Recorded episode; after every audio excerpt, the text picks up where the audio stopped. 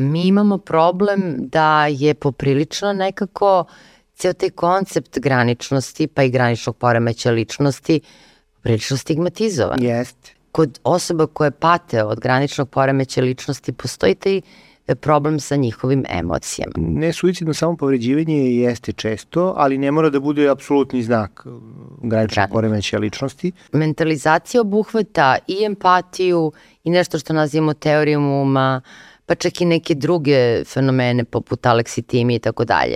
A ja ako ne mogu da pročitam svoje men, unutrašnje mentalno stanje, ja ne mogu da pročitam ni mentalno stanje druge osobe. Psihoterapija deluje, kažemo, od ozgo na, mm nadole, za razliku od psihijatrijskih mm lekova koji deluju u suprotnom smeru. Jeste. Ako se neko davi u vodi, uh, ja ako skočim, to deluje kao neki empatijski akt, ali mi možemo zajedno da sudavimo. Kao što smo Roberto i obećali, nastavljamo serijala Poremećima ličnosti.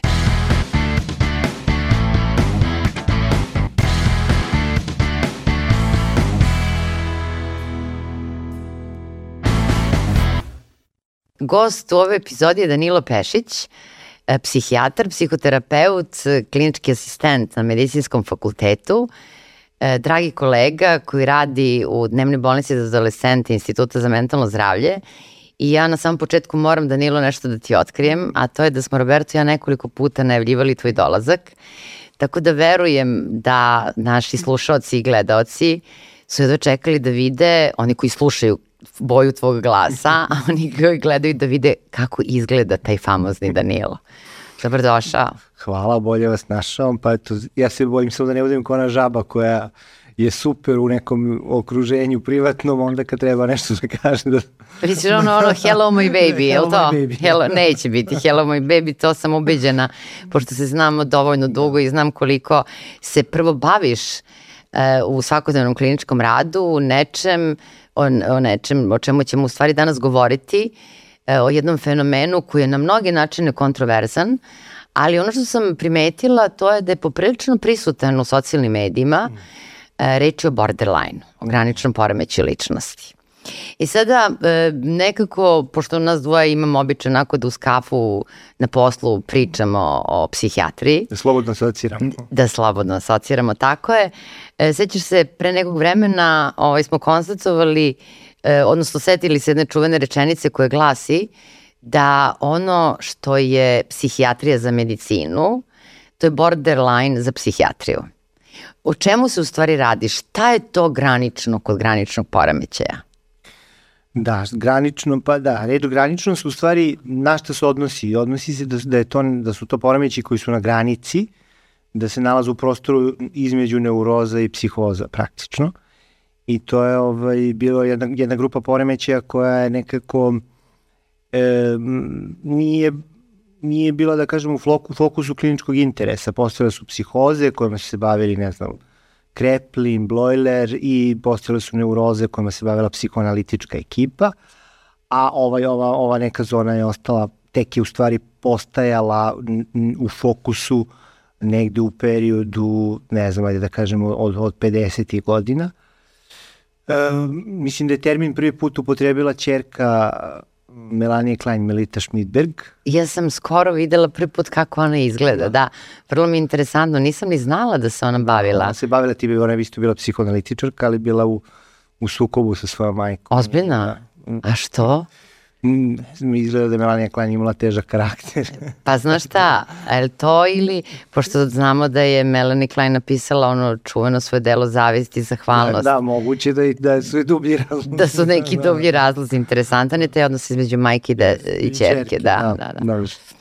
Da, da, da, u početku se smatralo da je reč o graničnim stanjima, u bukvalnom smislu to reči, granica između velike dve grupe poremećaja, onoga što mi psihijatri nazivamo, sada već kolokvilno, znači nemamo to u savremenoj klasifikaciji, s jedne strane psihoze, sa druge strane ono što nisu psihoze, odnosno neurodski poremećaji, ali to prvobitno značenje se vremeno menjalo.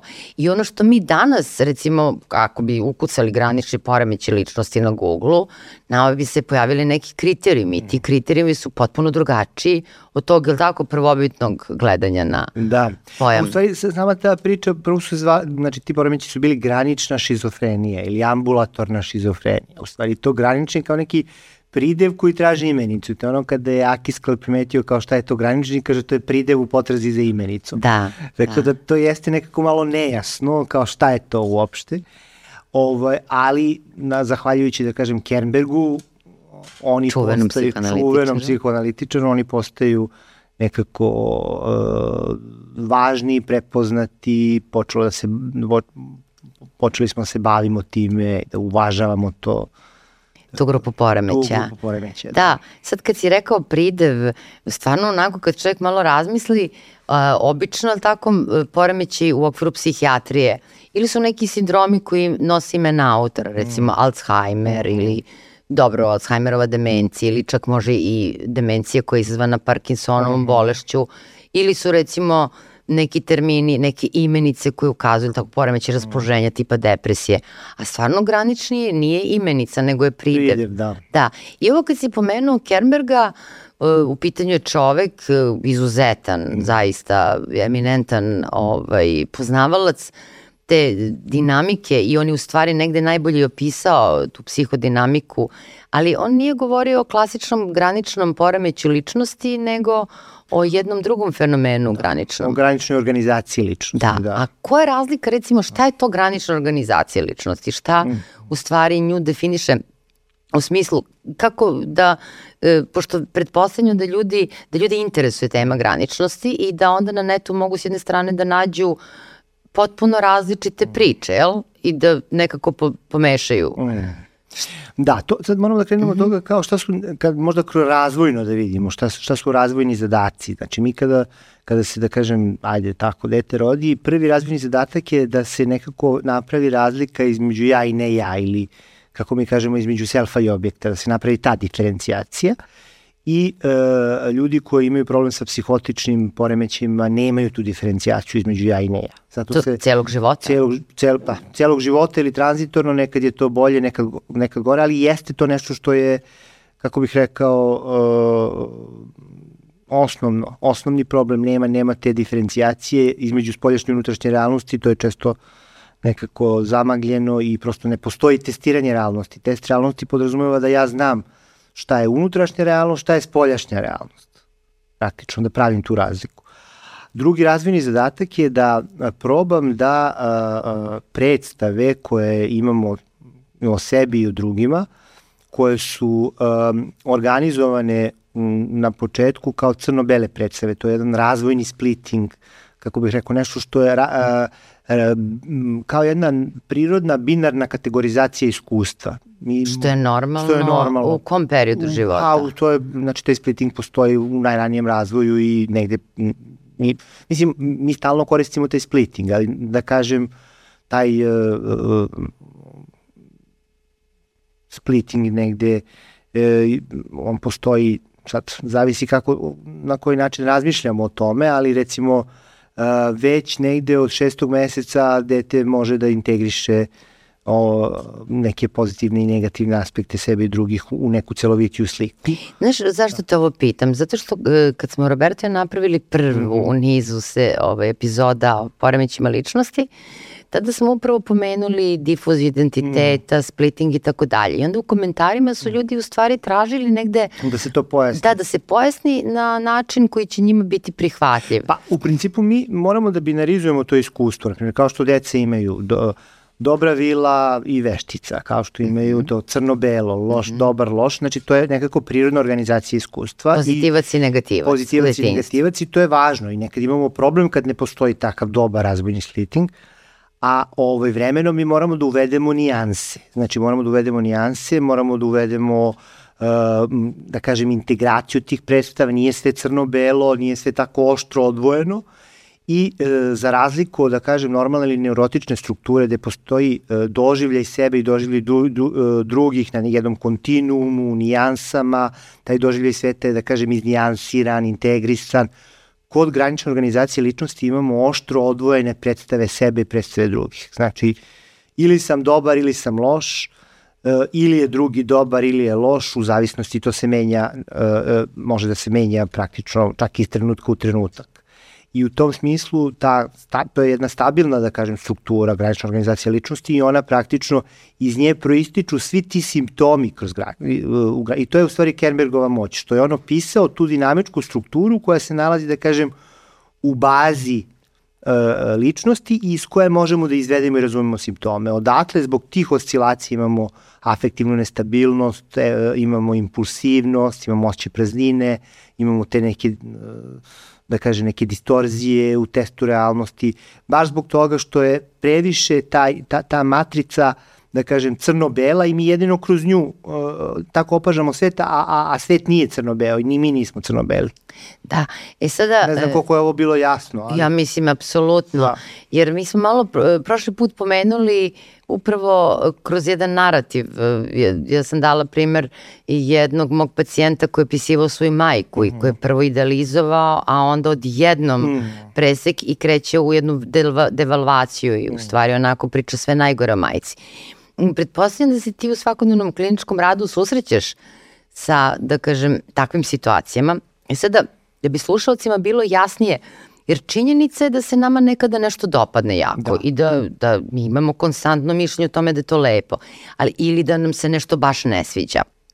Ali koja je razlika onda između tog nekog našeg trenutnog suda, da je nešto dobro i da, ili da je nešto loše, i splittinga, odnosno tog tog stalnog, jel tako, ovaj, nekako fluktuiranja, jel, i osil, osilovanja između totalne idealizacije i onoga što nazivamo devalvacije nekoga. Mislim, kako, kako to u praksi izgleda? Pa, mislim, mi moramo da znamo da svi mi možemo da imamo nekako ništa nije, da kažem, kategorijalno. Svi smo mi na nekim dimenzijama, pa čak smo i svi mi na tim dimenzijama, da kažemo, od neke normalnosti, neurotičnosti, pa sve do psihotičnosti. Znači, svako od nas može da doživljava sva ta iskustva. Mi možemo da imamo uh, regresiju, neko psihotično stanje gde ne razlikujemo spolješnju unutrašnju realnost, znači u situacijama, ne znam, neke velike panike ili mm, uzimanja droge ili nama se čini da neki naši unutrašnji strahovi su uh, u suštini realnost. Ne možemo da napravimo razliku ako smo doživjeli neku traumu, na primjer sad ne znam, doživjeli smo traumu požara u kolima i sad vozimo se kolima i sada će na svaki na svaku situaciju gde se ne, pojavi dim, recimo, mi ne možemo da mislimo simbolički, aha, možda je to magla, možda je zagađenje, možda je, ne znam, nešto drugo, nego imamo alarm u glavi požar to je jedna automatska anksioznost, imamo slom tog simboličkog razmišljanja i mi uopšte našu, ne možemo da kažem, naša unutrašnja realnost, u smislu to je požar koji mi se desio je u isto vreme i spoljašnja realnost. Yes. Ne, pravimo, ne pravimo tu razliku. Znači mi možemo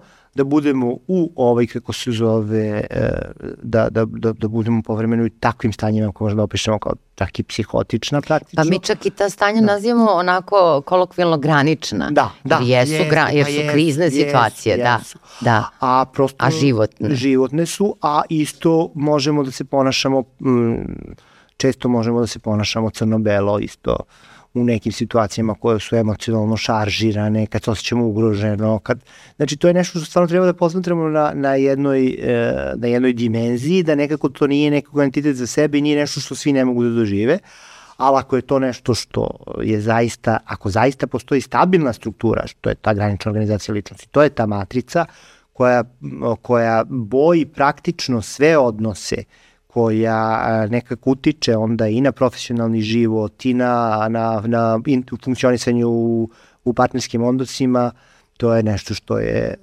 onda problematično i onda govorimo znači zaista o, o problemu. Mislim, u suštini e, nekako u savremenoj psihijatriji se izgleda da je problem kvantiteta. Apsolutno, jer to je u stvari negde i u samoj definiciji graničnosti i generalno definiciji ili tako poremeće ličnosti da je u pitanju trajni obrazac mhm. nestabilnosti mhm. i zato mi u stvari e, često kažemo onako između sebe da je to, jed, da je to jedan stabilno nestabilni entitet. Mm. Znači jedino što je stabilno i konstantno kod graničnosti... Oni su stabilni u svojoj nestabilnosti. Nestabilnosti. Da, da. To je jedino u stvari što je uvek prisutno kod njih.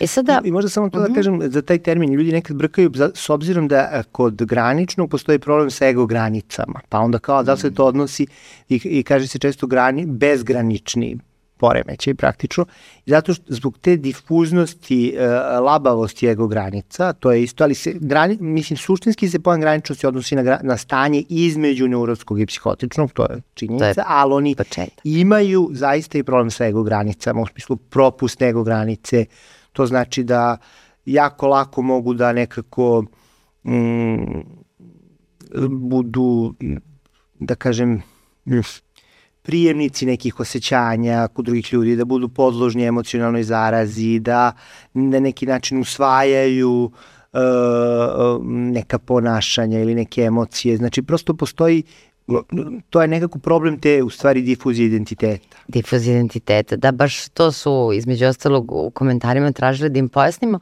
A ovo kad si rekao polupropustljive granice... Zato što je, izvini, sad, mm -hmm. samo pa da to je zato što i dalje, i dalje vlada taj splitting je aktivan, znači i dalje je, znači, rascep, sve, između pozitivnog između, i da. negativnog. Da, ili ja sam dobar, ja sam, znači, prosto ne može da bude taj takozvani uh, simultani split. Mi, mi nekad, znači, mo, ja mogu da kažem, uh, ti me sad nerviraš, ali ja znam da sam i dobar sa tobom i u isto vreme mogu da imam svest i u jednom i u drugom.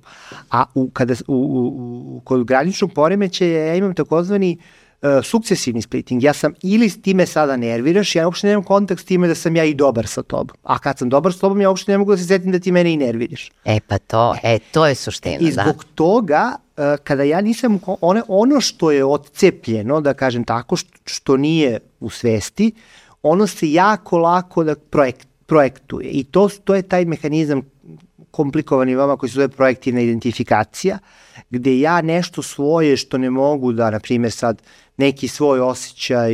Da recimo ti mene mrziš. Da, agresiv, da. I, ja, i, i ja, ja ću često po principu uraditi? taliona da osjećam da ti mene mrziš. Znači ako ja, mm. uh, znači imam, imam osjećaj da ćeš ti meni da se osvetiš, a u stvari je to moja mržnja koju ja projektujem u tebe. I onda?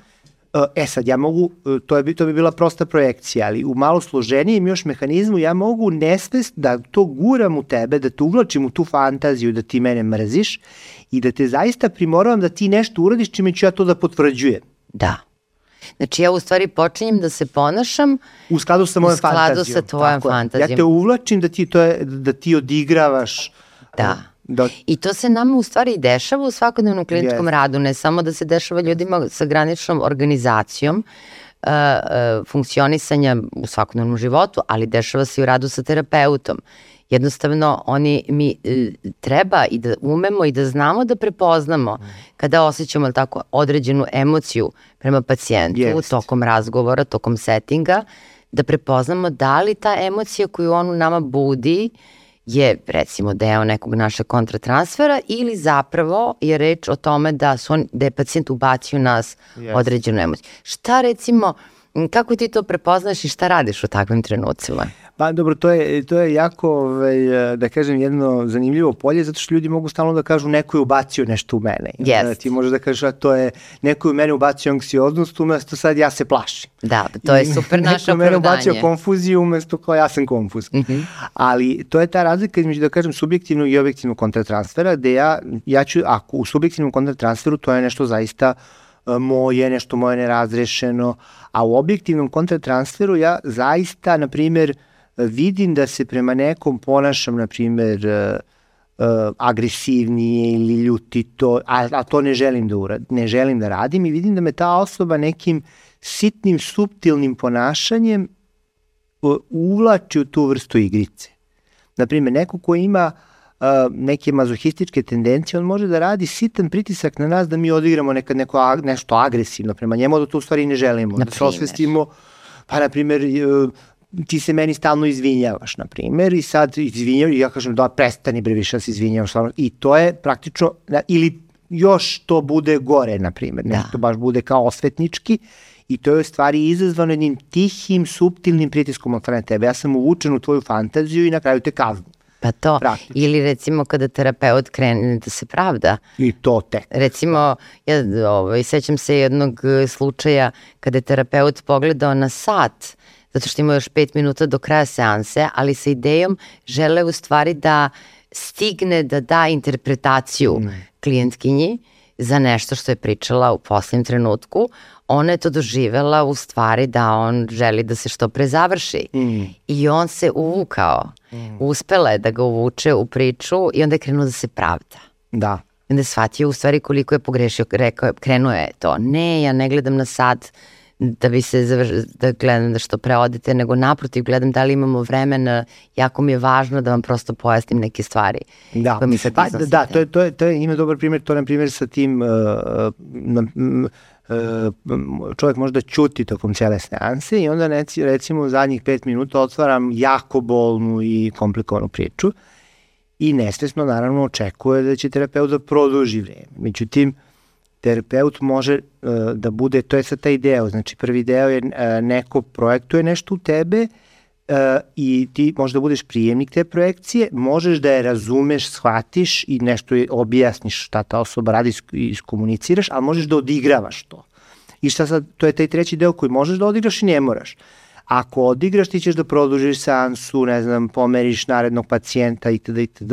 Ako razumeš, ti shvatiš da on nije želeo da govori, na primjer, uopšte o nekom bolnom problemu, ima nesvesnu fantaziju da može u poslednjih pet minuta da evakuiše samo, kao ispovest pred vratima, da izevakuiše, kaže i ode, a to je praktično samo fantazija i nije moguće na taj način tretirati emocionalno iskustvo. I sad ako neko razume da je to nemoguće, on će da se odupre pritisku i da kaže užasno važna tema, ali kvalitetni razgovor se uvek može nastaviti, pa ćemo o tome da nastavimo idući put. Da, a jako važna je da. metafora da. ovo koju si sad rekao, a, istina je i to je nešto što smo naučili još na samom početku kad smo trenirali psihijatriju, a to je da nije redak slučaj da ono što nam pacijent ili klijent, kako god, kaže kad izlazi na vrata, mm da može da bude ključno i mnogo važno mm. i da mm. čak možda nekad najvažnije jest, jest, u toku razgovora. Jest, jest. se dešava to često. Apsolutno, apsolutno. I ja inače mislim da taj, to, to što sad ta, ta reč koja možda nije toliko popularna u opštim psihijatrijskim krugovima kontratransfer, ja, uh, ja mislim da zanimljivo je što recimo u Tasmanovom učbeniku psihijatrije e, prva lekcija je baš to, šta je komplementarni, šta konkordatni kontratransfer i ka, za psihijatre, kako psihijatri u stvari uh, jer mi najviše uz pomoć tog našeg emocionalnog organa osluškujemo i razumemo šta je sa nekim i, i na neki način nama ova, ova priča o graničnosti jeste idealna priča i za razumevanje psihološkog, baš zato što je na granici.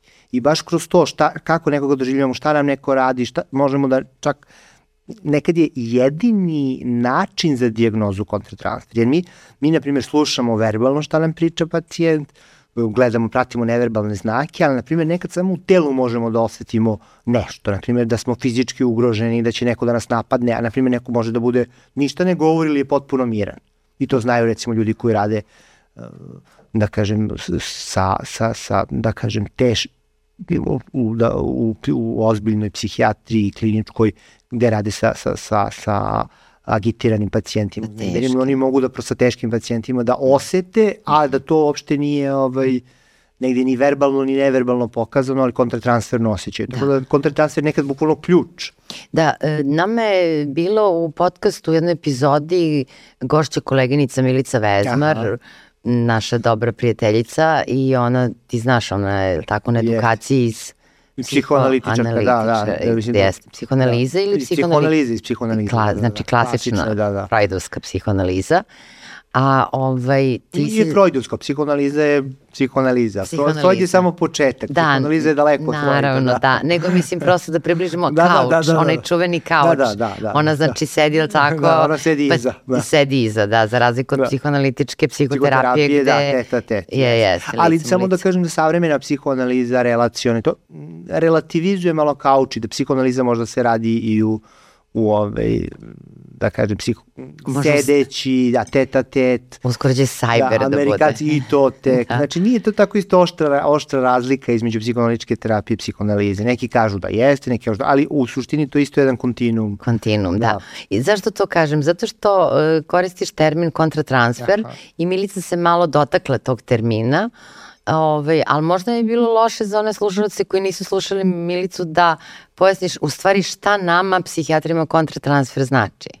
Pa znači to su, kao što je transfer uh, kada uh, klijent ili pacijent svejedno prenosi na nas neke svoje emocije, slike, sećanja, značajnih figura iz prošlosti, gleda nas kroz tu prizmu, na sličan način mi možemo da reagujemo na, na klijenta ili pacijenta, ali baš zato razlikujemo taj subjektivni i objektivni. Nešto što se tiče samo nas i tu se nekako svi vežbaju da prave tu razliku i zato, i zato analitički terapeuti i razni drugi terapeuti na svoj lični rad da bi mogli da razlikuju to i nešto što se tiče uh, uh, pacijenta, što pacijent nama radi. Jer šta je prosta jednačina? Ako neko ne, nekome u interpersonalnom kontekstu ili odnosu radi, on će to da radi i u uh, svakodnevnom životu. I u terapiji i mi ćemo terapiji, to da, da osetimo kroz kontakt Znači transfer su naša, naša emocionalna reakcija na, na pacijenta, na celokupna da kažem,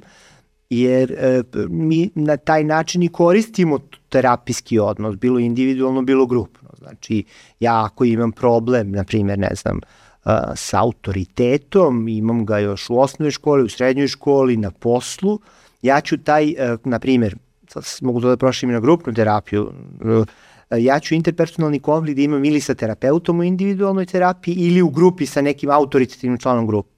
I koji je takođe tu, tako, tako došao na terapiju. Koji je došao na terapiju. Mm -hmm. Znači, moj intrapsihički konflikt, o, konflikt, da kažem, u moje glavi, će postati interpersonalan, postaće, uh, on će se svađati s nekim drugim članom grupe ili već raspravljati se. I sad, ukoliko oni uspeju da komuniciraju o tome, i razreše interpersonalni konflikt, to će povratnom tregom razrešiti intrapsihički konflikt. Znači, mhm. šta hoću da kažem, mi, mi taj neki terapijski savez i taj da analitički kontakt, još je psihoterapijski kontakt je kao neko polje u kojem se nekako naš konflikt odvije, mi ga razumemo i onda ga nešto radimo i onda to se na, promeni intrapsihički. Da, ti si jednom... To je, to je ideja, da. To je ideja, da ti si jednom sećam se upotrebio i termin jedna vrsta matriksa, je li tako? Da, da. I to zaista jeste specifičan matriks, ali možda ne bi bilo loše da pojasniš kako izgleda ta grupna psihoterapija. Znači, koliko otprilike ona ima članova, koliko traje, je važno to, ta minutaža? E, to je važno, da, to je da. važno. Sad ima raznih, raznih tipova, da kažem, e, grupa i mi kad kažemo grupna terapija, mi uvijek pomislimo na, ne znam, grup, anonimne grupe alkoholičara ili grupe podrške za, ne znam, ljude koji su oboleli od raka i to jesu specializovane homogene grupe, ali u užem smislu ta mala analitička ili mala psihoanalitička grupa, to, to je grup, u Evropi se zove tako, znači grupna analiza je dominantna škola u Evropi, a u Americi ne postoji grupna analiza, nego postoji, to je čak specijaliz, zanimanje posebno, grupna psihologija i grupna psihoterapija.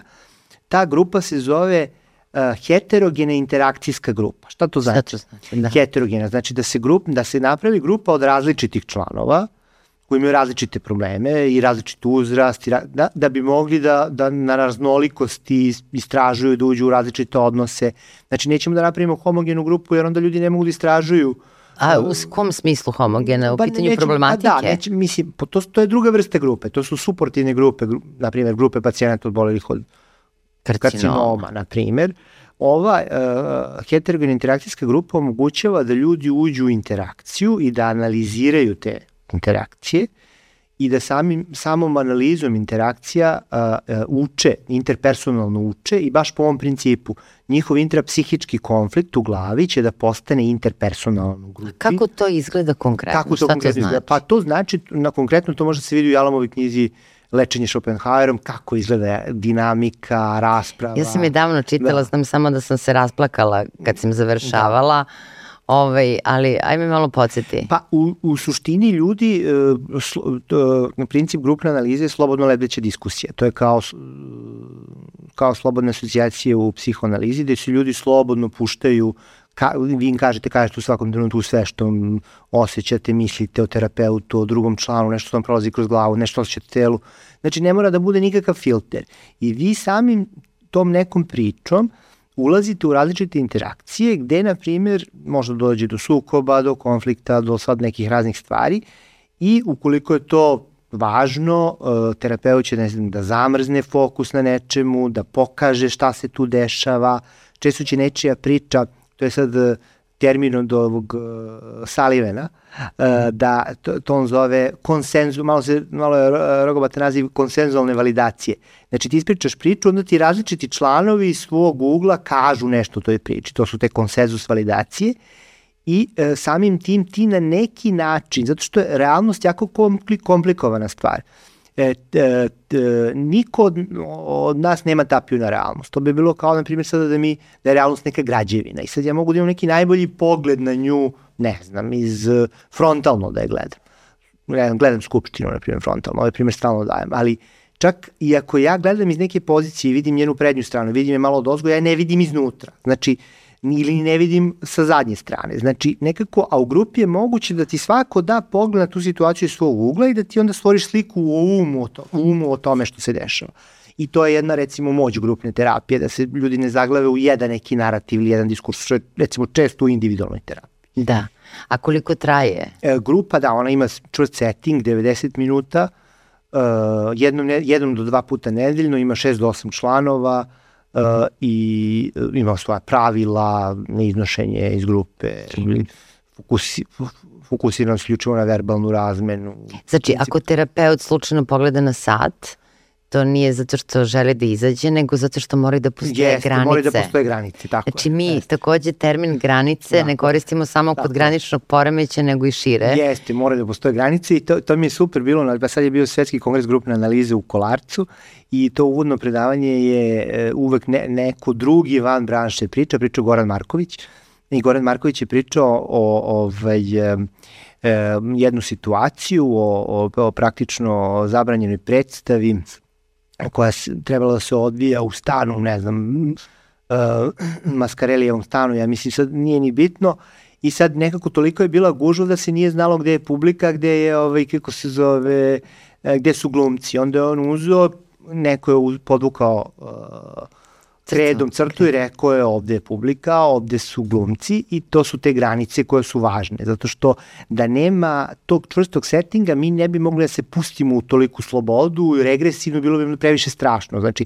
da bi se omogućila neka slob, slobodna i regresivna priča, ti moraš da imaš u stvari Jasne granice. Jasne sada, granice i ono što bi rekli čvrst setting. Da. Čvrst setting. E sada, naravno, nećemo pričati o tim spoljašnjim i unutrašnjim granicama, ali da se vratimo granične organizacije mhm. ličnosti, uh -huh. posjećamo malo više o graničnom poremeću koji je možda popularniji među širom javnosti, je li tako?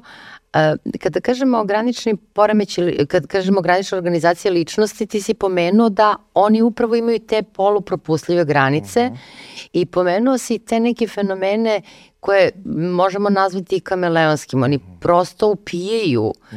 osjećanja drugih, čak negde se identifikuju sa nekim delovima e, osobine, preuzime osobine onih sa kojima su bliski. I ono što je meni jako interesantno bilo, pošto obično se misli da i činjenica je da generalno poremeći ličnosti imaju problem sa empatijom, mhm. ali granični poremeći ličnosti nekada upravo ima taj takozvani paradoks empatije koji proizlazi iz jednog vrlo specifičnog oblika jednog drugog fenomena koji mi u psihijatriji nazivamo krovnim u odnosu na empatiju, a to je mentalizacija. Jer nekako termin empatija poslednjih decenija postao vrlo popularan. Mm. Gotovo da ne prođe dan da ja ne čujem onako od usluge, trafike, ako sedim sa nekim društvom, neformalno pričam, pomene se nekako ta empatija. Mm. I videla sam takođe u našim komentarima neretko ovaj, e, ljudi pišu o toj empatiji. Pa mislim da bi bilo lepo da malo pojasnimo, jer mentalizacija obuhvata i empatiju i nešto što nazivamo teorijom uma, pa čak i neke druge fenomene poput aleksitimi i tako dalje. Dakle, on je, mentalizacija je krovni termin, a šta mi u stvari, odnosno kako ti, pošto postoji neke terapije, tako, koje se baziraju na mm. mentalizaciji i nekako o, to spadaju psihoterapijske tehnike koje imaju neke svoje Jest. naučne Jest. osnove. Pa ovo ovo kad smo pričali u grupi, jedna od terapija za uopšte poremeć ličnosti je i grupna analitička terapija i ima, naravno, prim, primarno se poremećenom ličnosti bavila uh, da kažem, anal, psihoanaliza analitička terapija, međutim, psihoanaliza nije najpodobnija za, da kažem, um, niže organizacije, jeste, e, i zato, su, zato je se zato su se radile modifikacije praktično i e, razvio se čitav niz specializovanih terapija, to su terapija bazirana na mentalizaciji, kao što si rekla, MBT, transfer fokusirana terapija, Uh, dijalektičko. Dijalektičko bi, to su, ovo su dve su iz dinamskog, da, da. kažem, spektra, dijalektičko behavioralna i šema fokus.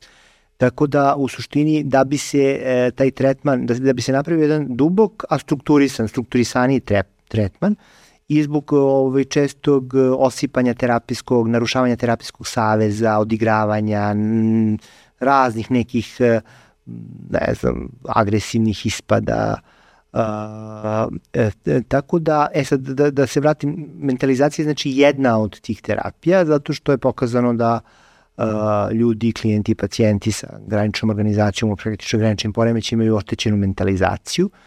Mentalizacija je onako jedan pojam koji nije baš tako lako definisati, on je sličan konceptu teorije uma, ali u suštini baziran je na tome da, da je važno da razumemo svoje osjećanja nekako i da razumemo uh, sobstvene osjećanja i tuđe osjećanja i mogli bi da kažemo da je mentalizacija jedna aktivnost koja podrazumeva mogućnost da na neki način stavimo sebe u tuđe cipele, pogledamo sebe iz ugla drugog, da stavimo, da, da, da pogledamo drugog, da se stavimo na mesto drugog, da pogledamo sebe iz mesta drugog. To je isto kao neka e, sposobnost e, tumačenja praktično uh, naših unutrašnjih stanja. I on ima dve komponente. Ima tu samo refleksivnu, da razumem sebe i da razumem druge. Empatija bi bila, da kažem, druga komponenta. Da, to je jedna od komponente Jest, mentalizacije. Da Jer evo recimo sada mi dok razgovaramo mi takođe na neki način Jeste, mentalizujemo. Čitamo šta se dešava. Tako je, ja recimo da. sad razmišljam kako je sad Danilo da, studio, da, da. Da, li, da li smo ga dobro ugostili, ili si okej, okay,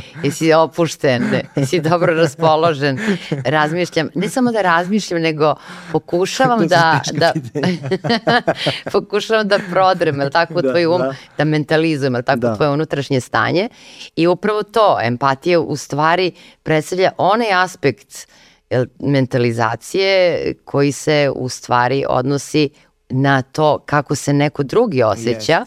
i upravo, da kažem, negde je izražena ta afektivna komponenta za razliku od teorije uma to je zaista težak, um, rogobatna formulacija, theory of mind, mi nismo yes. umeli drugačije da yes. prevedemo nego teoriju uma, a u stvari ne radi se o teoriji, nego se radi o jednoj našoj yes. sposobnosti, a to je upravo, da kažem, ta kognitivna komponenta mm. toga kako se neko drugi osjeća, za razliku od pomenutog recimo mindfulnessa, mm. gde je upravo to onaj deo mentalizacije koji se odnosi ili tako na moje unutrašnje stanje, znači na moju svesnost toga kako se ja u ovom trenutku osjećam, šta doživljavam, to bi u stvari, jel tako bila? Jest. Ta jedna komponenta Jest. mentalizacije. Mo, možda da bi sad to stvarno nekako da probamo da to razumemo, da ne bude sad neka šuma raznih tih... To, termina. Da kažem, kako da to, evo, to je moj jedan od omiljenih, uh, da kažem, da, i eksperimenata i eksplanacija, to je onaj uh, uh, model vizualne litice, kako je mentalizacija povezana sa attachmentom i gde nastaju problemi. Uh,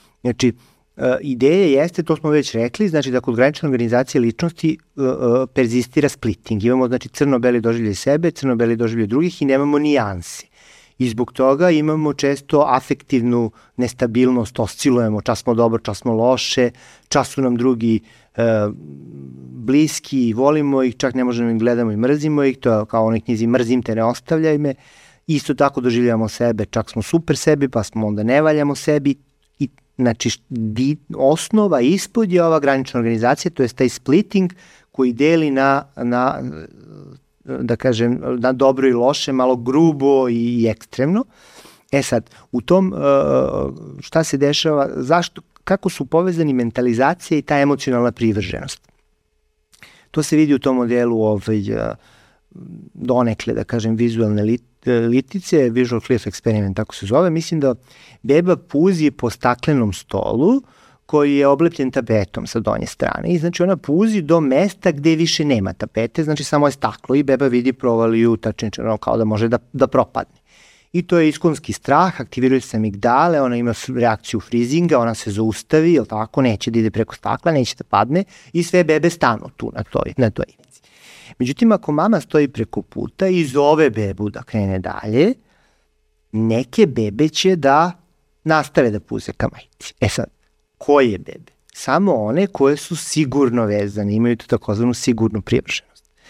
Znači, tada u tom momentu, e, pošto postoji sigurna vezanost, postoji poverenje i beba ide preko stakla ka majci.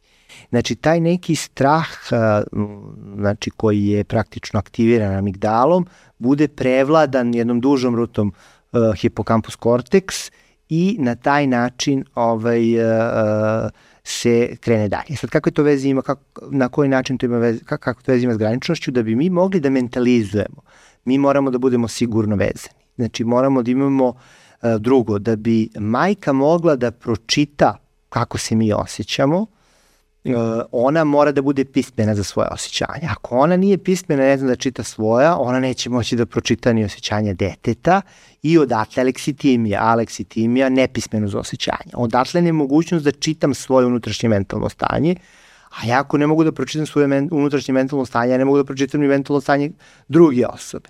I ako nema znači, sigurne vezanosti, ja ne mogu ni da mislim. I to vam je ona priča uh, kao kad ste u kontaktu s nekim profesorom koji je benevolentan, koji vas i onda pušta vas, vi znate da ni neće ni da vas osramoti, ni neće da vas ispe, neće ništa, vi ste slo, šta god da kažete, sve je super, on izvuče svu drenovinu, drenovinu čak iz gluposti koje kažete, yes. a imate ono gde neko profesor, gde ne sigurno, gde stalno izloženi kritici nečemu, vi nešto najpametnije da kažete, to možda deluje glupo i vi se negde zaustavljate taj svoj uopšte kapacitet da mislite, da se opustite. Da, e, sad, u tom smislu, uh, to je taj neki problem sa odnosom sa, da kažem, primarnim negovateljem i tim, da kažem. I sad, ako recimo ja mentalizujem stanje osobe koja je kao ispred tog strogog profesora, koja je mhm. stalno grču, mhm. -huh. koja je stalno nesigurna, koja ne može da uspostavi, jel tako, sigurnu vezu sa drugom osobom, e, ona u stvari jako pati. Jeste. A mi imamo problem da je poprilično nekako ceo taj koncept graničnosti pa i graničnog poremeća ličnosti prilično stigmatizovan. Jeste, jeste, da. To je u stvari i zato u osnovi često graničnosti je ta takozvana rana relaciona trauma.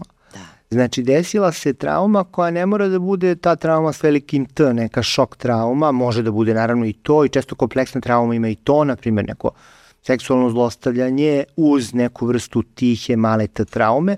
To su traume gde, gde su, na primjer, e, majke ili roditelji porodična sredina je takva da ne vidi dete, nije emocionalno naštelovana na detetove potrebe.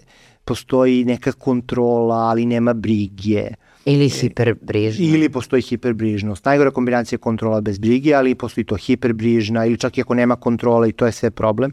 Helikopter majke isto prave problem kao i majke koje koje ovaj helikopter majke su one koje nadleću, da, nadleću, da.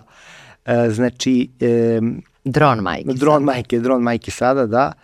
E, da, to je veliki problem, zato što tad, pomenuo si tu traumu e, u detinstvu koja leži I to u je osnovi. Ta, ta, da. To je ta attachment trauma.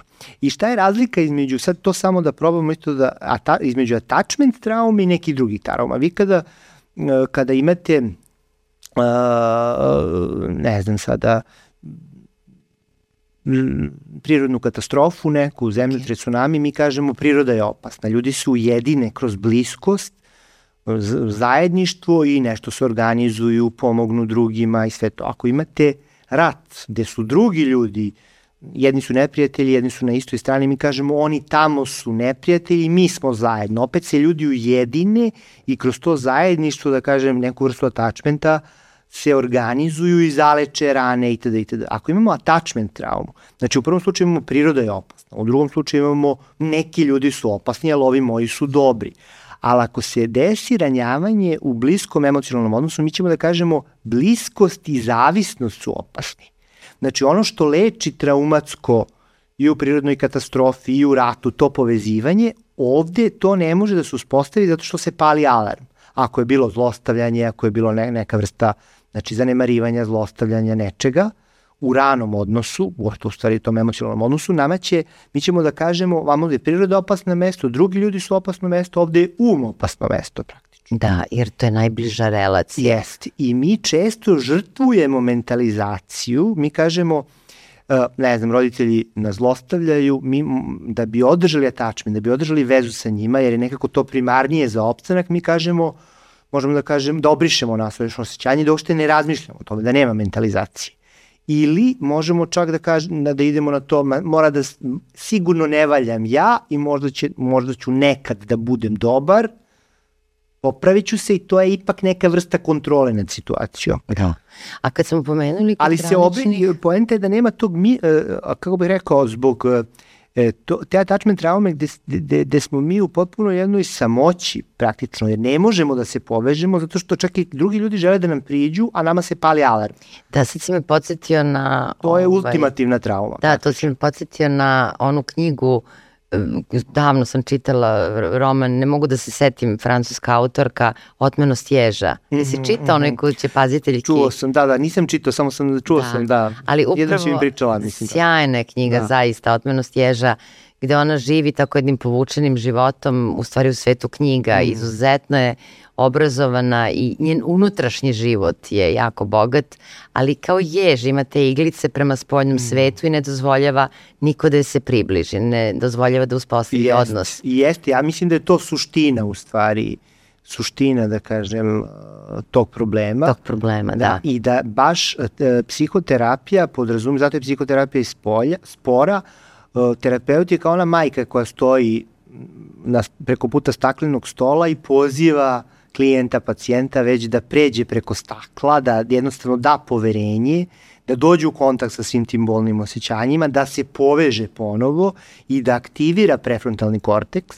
I zato psihoterapija traje. Potrebno je prvo da se napravi jedno bezbedno okruženje, da se umenji ti strahovi, da se ponovno razvije poverenje, da se razvije empatic trust, i tek tada se onda aktivira mentalizacija i čovjek počinje da misli o svojim unutrašnjim stanjima. Znači, prvo je neophodno napraviti povezanost, pa onda mentalizovati. Da, I to je, je dug proces. Što je jako dug i proces, da. ali kada neko voli svoj posao kao što ti voliš, onda to nije problem. E sad, mi u okviru dva i po psihijatra imamo, da kažem, jedna od nekde naših misija. Uh -huh. Jeste da razbijamo predrasude, ali i jednu vrstu, da kažem, ekstremnog načina razmišljanja. Uh -huh. U kom smislu? Uh, S jedne strane, postoje ljudi koji su pristalice lekova. Mm -hmm. I oni smatraju da psihijatrija jedino može da leči lekovima, da, psiho, da psihoterapija je potpuno nenaučna, da ne postoje nikakvi naučni dokazi da ona deluje, a sa druge strane postoje ljudi i to sam, mogu ti reći, pogotovo sad, isto sam zahvalna uh, našem, da kažem, auditorijumu koji nas prati, zato što daju komentare. I onda ja mogu nekako malo šire i bolje da shvatim odnos ljudi prema psihijatri, što mi je jako drago. Znači, za razliku, kažem, od ove druge grupe, to su ljudi koji upravo suprotno smatraju, a to je da mi psihijatri lekovima malte ne drogiramo ljudi. Mm -hmm. I da je u stvari psihoterapija pravi način, ali da je to pitanje koliko sad mi imamo vremena ili nemamo. I e sad, moje nekako promišljanje, pošto si ti naravno i kliničar i psihoterapeut, ali svakako i neko ko propisuje lekove, mm, e, ono iz mog znanja nekog, to je da psihoterapija i tako i, da, i, i tekako je bazirana na dokazima mm. i da mm. postoje ozbiljne istraživanja, iako postoje komentari da ni, psiho, ni psihologi i psihijatrija nisu naučne metode, nisu bazirane na nauci, mislim, to je sad već naravno pitanje onoga ko to piše ili ko tako razmišlja koliko uopšte zna šta znači naučni metod. I e sada, da li je psihoterapija ima naučne dokaze? Pa i počela I kako se, da. i kako se uopšte dolazi do tih naučnih Pa počela je da ima, znači sad postoje neka različite, u stvari vrste istraživanja u psihoterapiji, imamo istraživanja efikasnosti, pa imamo uh, ovaj, istraživanju uopšte samog procesa, šta se dešava, pa imamo takozvana konceptualna istraživanja. Šta to znači? To su znači istraživanja uopšte teorijska istraživanja određenih, kvant, kvalitativnih mhm. istraživanja određenih -hmm. koncepata. Znači može da se, e, bilo je u ovom, e, u naučnom, e, kako scientific bulletin naš instituta, A da, da. kako se, kako se kaže... Bilten. Bilten, Bilten, tako je. Aleksandar Dimitrijević, ja, ja sam, ja sam ovaj, uh, uzimao intervju, on je pričao o, o istraživanju ćutanja, o tom, svi se smeju u stvari to analitičarima i analitičkim terapeutima, to, mm, vi samo ćutite i ne kažete ništa i on je baš pričao o tome ovom ozbiljnim istraživanjima tačno se zna ko, koliko je to kritična pauza, ne znam sada da li ispod 0,6 sekundi ili preko 0,6 sekundi, znači počevši od takvih istraživanja do istraživanja efikasnosti u smislu gde se uh, efikasnost istražuje u randomizovanim kontrolisanim uh, trajalima gde imamo znači kontrolnu grupu i imamo znači grupu koja dobija tretman i ovaj možemo da istražu, da praktično pratimo efekte ne samo kroz redukciju simptoma, nego popravljanje kvaliteta života i nečega što određene terapije rade. Možemo da merimo, ne znam, refleksivnu funkciju, možemo da merimo mentalizaciju.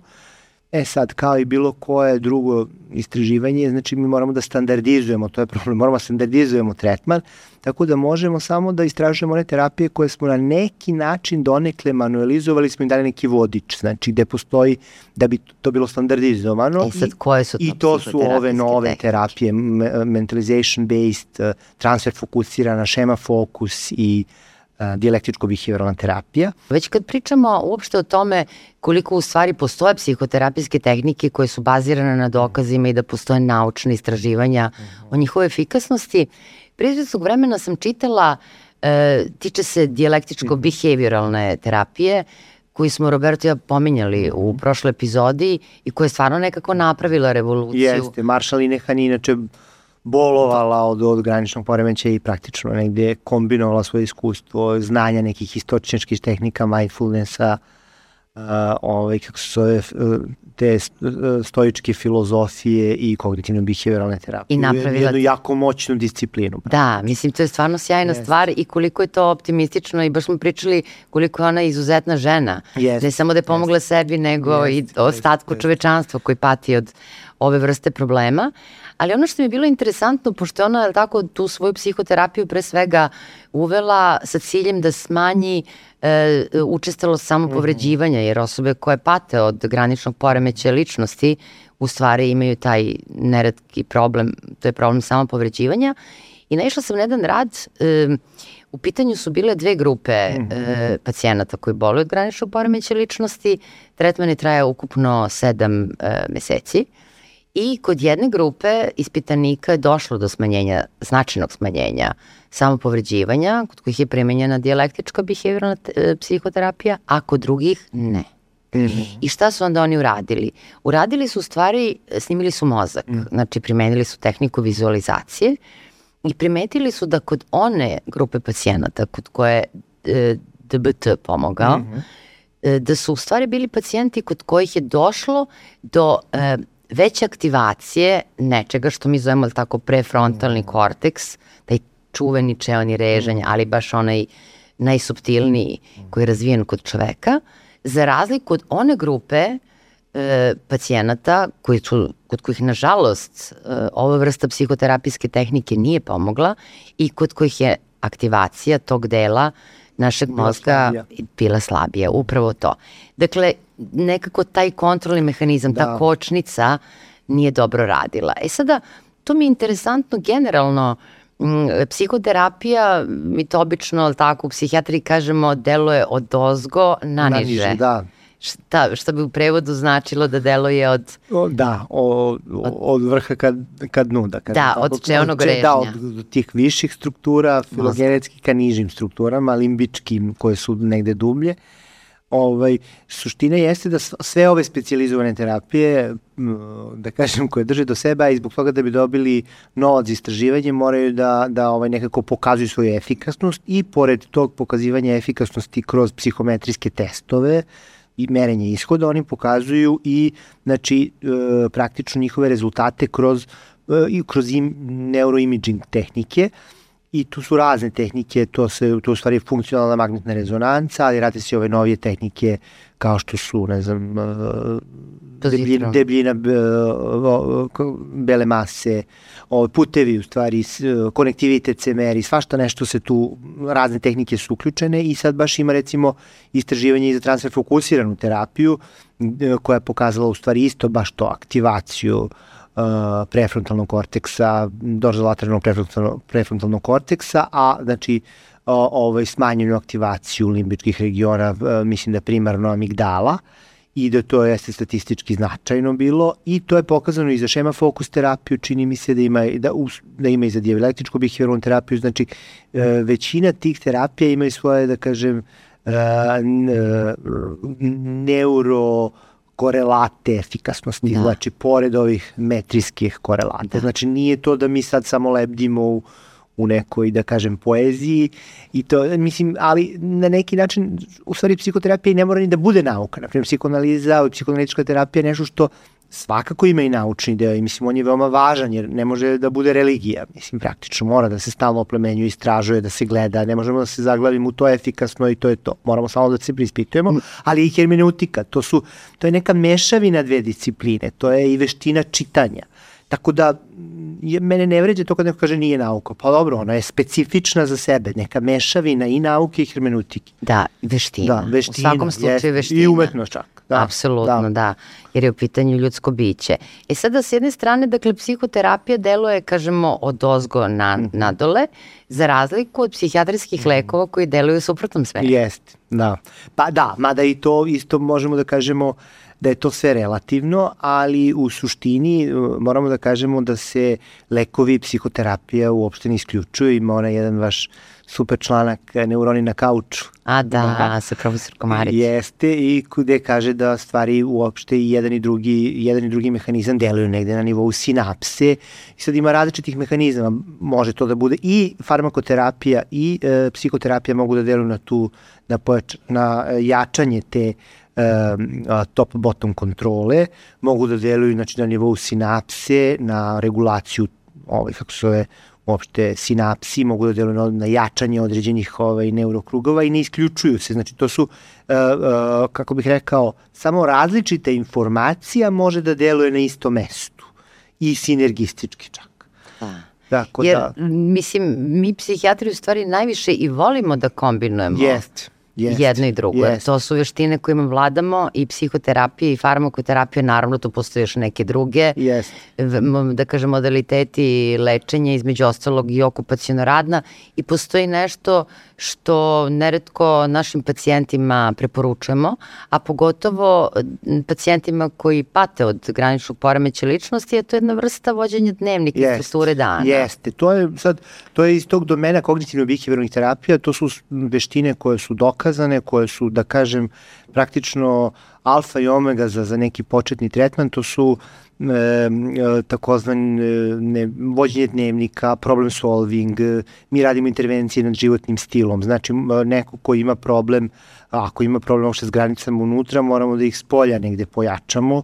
Važnost e, redovnog spavanja, sanje je nekako osnova praktično e, mentalnog zdravlja, arhitektura spavanja je ključna za, za, za dobro funkcionisanje, onda znači fizička aktivnost, e, to su znači veštine koje asertivni trening, e, e, veštine relaksacije, e, onda razne neke tehnike koje po, mogu da pojačavaju tu socioemocionalnu pismenost, koje se uče, psihoedukacija i to je nešto što uh, može prilično, prilično da pomogne ovaj, te, da kažem, kognitivne behavioralne tehnike mogu da pomognu u tretmanu, isto slično kao i farmakoterapija. Da, i to u stvari možda ovako sada kada se nabraja, deluje da je nešto jako kompleksno, u da. stvari reči o vrlo jednostavnim, jednostavnim stvarima. stvarima. Tako. Postavimo to, kada idemo na spavanje, moramo da vežbamo tri puta nedeljno, ovaj, kako se zove, vodimo dnevnik osjećanja, vežbamo neke određene tehnike komunikacije, to značajno može da, da nam pomogne da spoljašnje te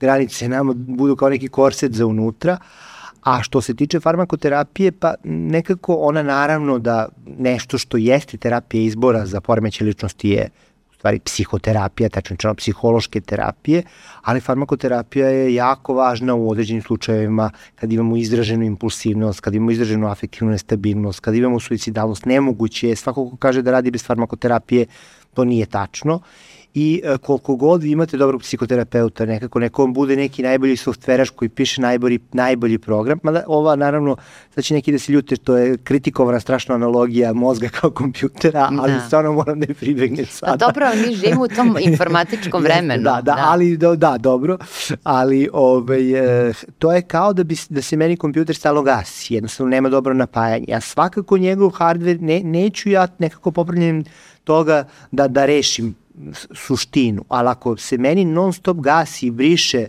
ovo što, što, što ja nekako radim softverski, nekako je to, u, u velikom smo problemu. Znači, ovo je jedna mala intervencija koja možda čini, ne znam, 5-10%, ali e, e, je ključna, bez nje ne može da se uspostavi stabilizacija. Jer vi nek, nekad morate da umirite praktično e, nekoga da bi uopšte sa njim ostvarili kontakt. Nema, nema, nema drugog načina jednostavno i Kako ćeš da razgovaraš yes, sa osobom koja yes, je besna, yes, koja je ljuta, yes. koja je van sebe. Mora na neki način yes. da se stiša, da se smiri. Znaš, sad kad si to pomenuo, uh, ponekad recimo koristim takođe jednu analogiju sa mašinom. Uh, doduše nije u pitanju mm. kompjuter, u pitanju jedna mnogo jednostavnija mašina, u pitanju je automobil. Mm -hmm. Ali mislim da su takvi primeri dobri našim klijentima i pacijentima zato što nekako im pojednostavimo neke možda njima na izgled kom, komplikovane situacije.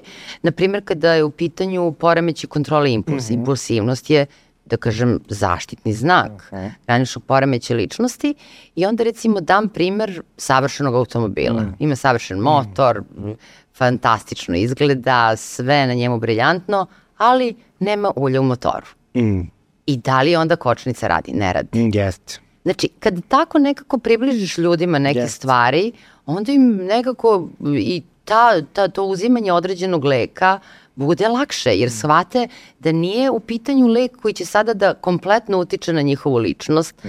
nego mi smo prosto učeni, jel tako, imamo iskustvo, više decenijsko, više godišnje, kako neki lek zaista može da da deluje kao koč, kao to yes. ulje tak, u kočnici. Jeste. I, I da, da se, da se neće se uzimati dugo, uzimaće se što je kraće moguće. Od granično, Nekad da. je potrebno to raditi duže, ali ovaj, u suštini jeste, možda mi nekad i preterujemo s time da mm, ne znam, nekad se oslanjamo previše na, na lek, ali to je ona priča o, o o, to ti ja često pričamo o, biološkom selfu i psihološkom selfu. Da. U stvari, zavisi kako ljudi doživljavaju isto. Neko će, neko voli da dobije lek i to deluje odbrambeno. Dajte mi leka, u stvari on treba da proradi svoj konflikt. A neko će da odbija lek uh, isto iz nekih, da kažem, narcističkih razloga. Neću ja da meni lek nešto radi umesto mene, ljudi imaju osjećaj da će onda lek da uradi umesto njih, a neće oni sami da uradi, imaju osjećaj da će da izgube kontrolu nad sobom, da će postati zavisni ili da uopšte ne, ljudi zaista dobiju lek koji im pomogne, oni kažu ne, ne, to sam ja odradio, ne znam, psihološki, a vidimo da je lek to uradio, to isto odbrambeno. Kao što možemo odbrambeno da dajemo lek nekome zato što nam je teško da se nosimo sa nekim uh, teškim osjećanjima u seansi ili ne možemo da budemo strpljivi ili čekamo, nego brzo potegnemo za lekom. Ljudi mogu da se isto osete ovaj neshvaćeno i sad to, mi stalno moramo da to nekako komuniciramo. Stalno, da, da. stalno moramo Jest. i da promišljamo Jest. i mi i e, klijenti nekako i zajedno, a ponekad i mi međusobno, Jest, terapeuti, da. ti naravno sa svojim supervizorom Jeste. sigurno proradiš sve te stvari. A pomenuli smo impulsivnost i u stvari to negde, da kažem, uvertira u onaj drugi deo priče, jer mi smo sad pričali, da kažemo, o toj graničnoj mhm. organizaciji koja je mnogo širi koncept i koje više koristimo psihijatri mm. Uh, ovako da u nekom našem radu nego što je možda popularan. Mm -hmm. Više u, među ljudima koji nisu psihijatri mm -hmm. je poznatije nešto što mi nazivamo granični mhm. poremeće ličnosti. Mm, kad kažem poznati, zato što e, mi ne možemo kao kliničari da postavimo diagnozu granične organizacije, yes. jer to ne postoji. U našoj klasifikaciji, u našoj klasifikaciji postoji zvanično samo granični poremeće ličnosti. Sad više ne postoji. Ne postoji više, da. Uskoro, on je sad samo specifikator, da, u najnovije. Da. Tako je, da stavljat ćemo ga samo na kraju. Mada ova radna grupa koja je pravila klasifikaciju poremeća ličnosti baš i nije bila presrećna što su bacili taj yes, specifikator. Yes. Ali sad nekako toliko se raširio yes. i taj pojam i terapije i sve. I toliko istraživanje ima o tome i toliko terapije smišljeno za to pa kako se... Napravili su kompromis yes, yes, da, da, da ga ostave, da. tako je. Granični poremeći ličnosti njega karakter, on ima neke svoje jasno definisane simptome i znake, ali sad i tu imamo kombinaciju simptoma i karakteristika ličnosti. Mm. Jedno od njih je naravno impulsivnost koju smo pomenuli i generalno kod osoba koje pate od graničnog poremeća ličnosti postoji taj problem sa njihovim emocijama. Mm. Oni imaju tako teškoće da regulišu mm. svoje emocije i taj njihov unutrašnji svet je prožet tim spektrom mm. negativnih emocija mm. koje osjećaju prema sebi, koje osjećaju prema drugima i koje vremenom mogu da eskaliraju jer to je ona čuvena, ili tako, priča, te negativne emocije, bes, ljutnja, osjećaj neadekvatnosti, osjećaj neuspeha u životu, e, jednostavno stalno promišljanje o tome i onda odjednom osoba se ili samo povredi ili mhm. pokuša samoubistvo ili pribegava nekim obrazcima ponašanja tipa drogama pre... da umrtvi Tako osjećaj je. ili da ili recimo da previše jede mm. ili odlazi u promiskuitet, mm. kompulzivne onako e, ide iz veze u vezu ili recimo neko pre, ima potrebu da brzo vozi ili da se bavi nekim ekstremnim sportovima, neko recimo pribegava kocki. E sada, šta u takvim trenucima, konkretno recimo kad je u pitanju samopovređivanje? Hmm. E, pre nekog vremena sam se susrela sa jednom devojkom koja sada više nije devojka, u pitanju je mlada žena i vrlo je uspešna, ali jako se teško nosi hmm. sa svojom, da kažem, tragom svoje mladosti, prošlosti, a to su ožiljci koji ima na određenom delu tela i koji u stvari odaju da se kao mlada sama povređivala. Mm. Da, da. Pretpostavljam da se sa tim susretiš svaki da, dan. Da, ne suicidno samo povređivanje jeste često, ali ne mora da bude apsolutni znak uh, graničnog poremeća ličnosti. Ono je veoma često u adolescenciji, tako da i psihijatri koji se ne bave adolescencijom se često nekako uplaše ili ja, neko ko radi sa time to viđa bukvalno na svakodnevnom nivou. Uh, To mogu da budu male plitke sekotine koje se ne vide do nekako dubokih, praktično jako ozbiljnih uh, sečenja po, po čitavom telu, pa čak i po licu. To je neki od, jedan od mehanizama da se u stvari čovek nosi s emocionalnom tenzijom, jer kad osjeća prazninu i ne zna šta ga boli, kada se iseče, nekako taj bol je konkretan, uh, fizički doživljen mi imamo tu tendenciju kad imamo uh, jako emocionalnu bol, kad ne znamo šta da radimo, mi tada emocije doživljamo konkretno i nekako ih tretiramo kao konkretne objekte i onda želimo ili da ih zatrpamo hranom, znači prosto neki osjećaj praznine u nama i rupe zatrpavamo hranom ili krivicu želimo, ne znam, da speremo pranjem ruku ili nešto da ispovraćamo ili da na neki način obrišemo osjećanja uzimanjem, ovaj, kako se zove, velike količine droge. Uh, Znači, e, ne, nije, e, jednostavno, nažalost, emocije plivaju u svemu tome, nemoguće to uraditi, jer je to jedan, kako bih rekao, konkretan način sa nošenja s emocionalnim bolom, emocije mora se proradi. Neće pomoći nikakvo ekscesivno vežbanje, nit, e, ne znam, uopšte bilo koji načini ovaj, bežanja od toga. Da, oni samo u stvari u tom datom momentu toj osobi pomognu uh, da nekako spuste nivo jeste, da. te emocije, ali onda se da kažem, taj začarani krug, krug ponovo. Jeste, jeste, to je nekako nije baš dobar, to je onaj cash kredit gde ti uzmeš e, neki cash, ali moraš da vratiš mnogo više, tako da ovaj, nije dobar način, tako da postoje, to su baš ove tehnike iz kognitivno-behavioralne terapije, iz uopšte i emocionalne regulacije, kako čovek uči da, da nekako to zaustavi, pa ima od najjednostavnijih stvari da drži kockice leda u ruci, na primjer, dok, uh, uh, dok traje ta vrsta ovaj, uh, emocionalne uznemirenosti, da. da, ne znam, može da recimo udara jastuk, cepa papire, znači da na neki način proba da to da ne povredi sebe, da se ne bi stvarao začarni krug i na kraju krajeva kada do, ne može ništa do drugo da uradi da popije neki sedativni lek, ni to nije problem, mislim. Da. Jer znaš šta, ovo mi je jako korisno što si sad rekao da drži recimo kockice leda. To je jako važno. Zašto? Zato što pre izvestnog vremena pročitala sam jedan rad u kome je autor postavio mm. pitanje, mm. a zašto recimo hladan tuš mm. ne može da pomogne osobi koja ima recimo sklonost ka samopovređivanju, a koja ima jako izražene negativne emocije, recimo ljute na svoju majku ili na svog oca ili partnera ili već šta god, da terapeuta može da mm. da bude tako ljuta. Zašto recimo hladan tuš ne može da pomogne i onda u stvari odgovor leži u tome da ipak osoba ako je pod hladnim tušem ona može da razmišlja i dalje da prorađuje tu svoju negativnu emociju ili recimo neka tako obična šetnja. A jaka telesna senzacija, a led veliki na ruci boli, boli da.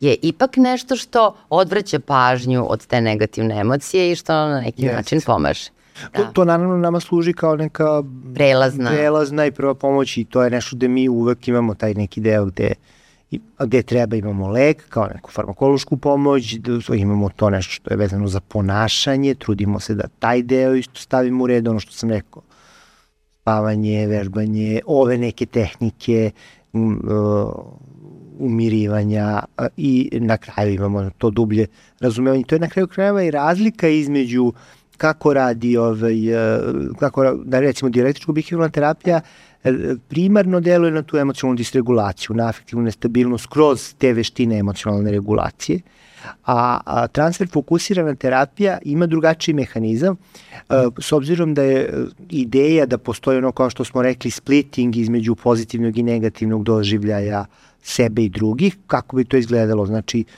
mi znamo da, na uprošćeno ovako, beba kad se rodi, znači ona doživljava majku kao kada je majka tu, kada je hrani ili već kada je nešto daje, čini joj, ona je dobra, a kada je odsutna, kada nije tu, ona je loša. To su kao dve odvojene osobe.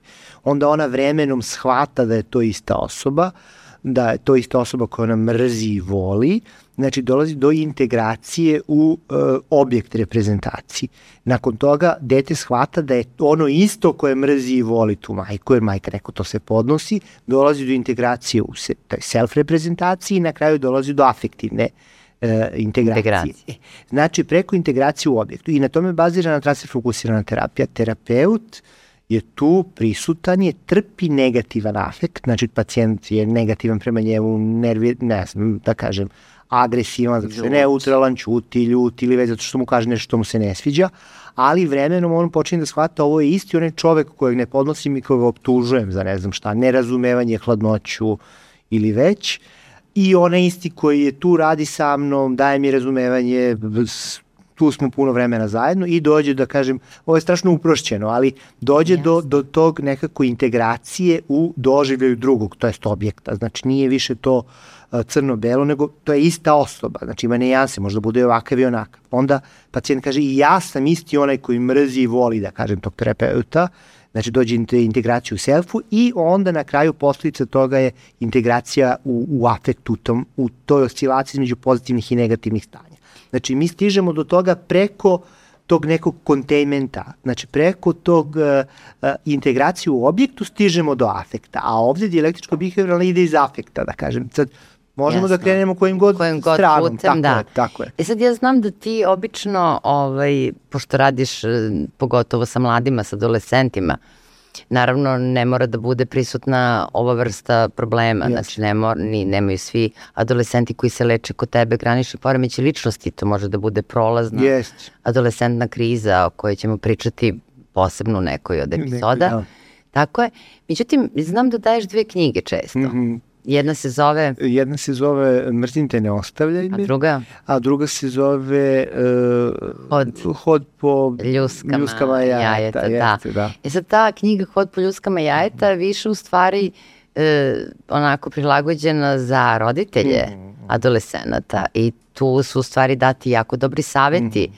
roditeljima kako recimo da se nose sa mladom osobom koja pati od graničnog poremeća ličnosti. Jeste. Da, pored toga što mi često praktično, moram da kažem, e, e, sprovodimo i porodičnu terapiju, nekad je neophodno u stvari raditi na celom porodičnom sistemu, ovo su neke, neki saveti, e, dajem često film neprilagođena Girl Interactive sa Angelina Jolie i Winona Ryder, to je mislim da je lepo na, na, na nekako postavljeno o čemu se radi. E, mislim da je da roditeljima jako teško da izdrže te e, taj, ta negativna osjećanja i to, te optužbe i tu neku kritiku i agresiju.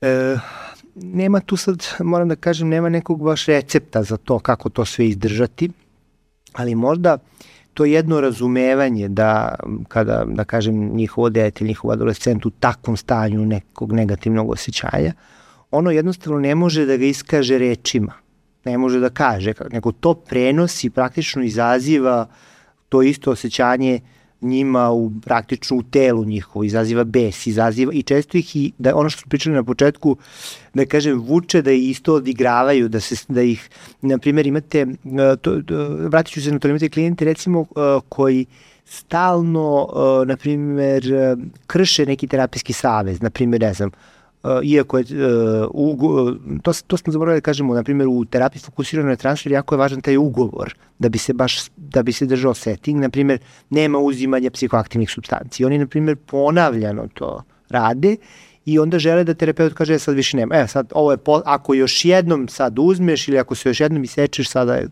letiš terapije i to isto, isto može da bude jedna zamka.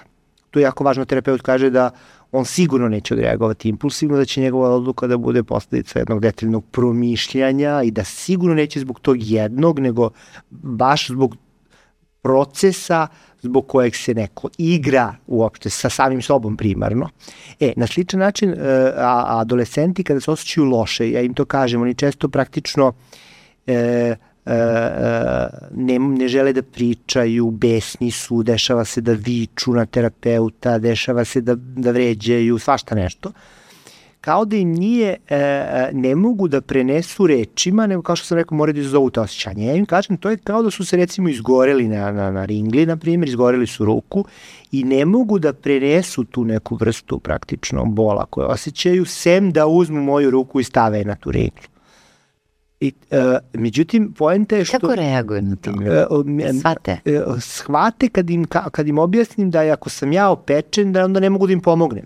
Da jednostavno mora da postoji neka distanca koja, znači, uh, naravno da mora da postoji neka optimalna uh, empatija, ali ako, ako, ako smo jedno, ako smo isto, onda nema pomoći. Apsolutno. Ako se neko davi u vodi, uh, ja ako skočim, to deluje kao neki empatijski akt, ali mi možemo zajedno da se udavimo. Da, znači, znači ne treba da, da skočiš da, da se udaviš, ruku, nego tako, da mu daš tako, ruku. Mora da postoji neki step. I sad adolescenti često oni bukvalno traže uvlačenje u to. I onda roditelj, za roditelje jako bitno da znaju da nekad kada su zasuti tim osjećanjima, da je to bol i muka njihovog adolescenta, da probaju to da izdrže, I da shvate da u stvari ono što oni osjećaju prema osjeća, svom detetu, to je u stvari osjećanje njihovo. Je njihovo osjećanje, tako je, i da pazi da oni odigravaju, da ne ulaze u osvetničko odigravanje, da ih sad kažnjavaju, da, mislim, to... E sad, recimo, roditelj koji je naučio negde da prepozna da ono što osjeća prema detetu u tom trenutku kada dete,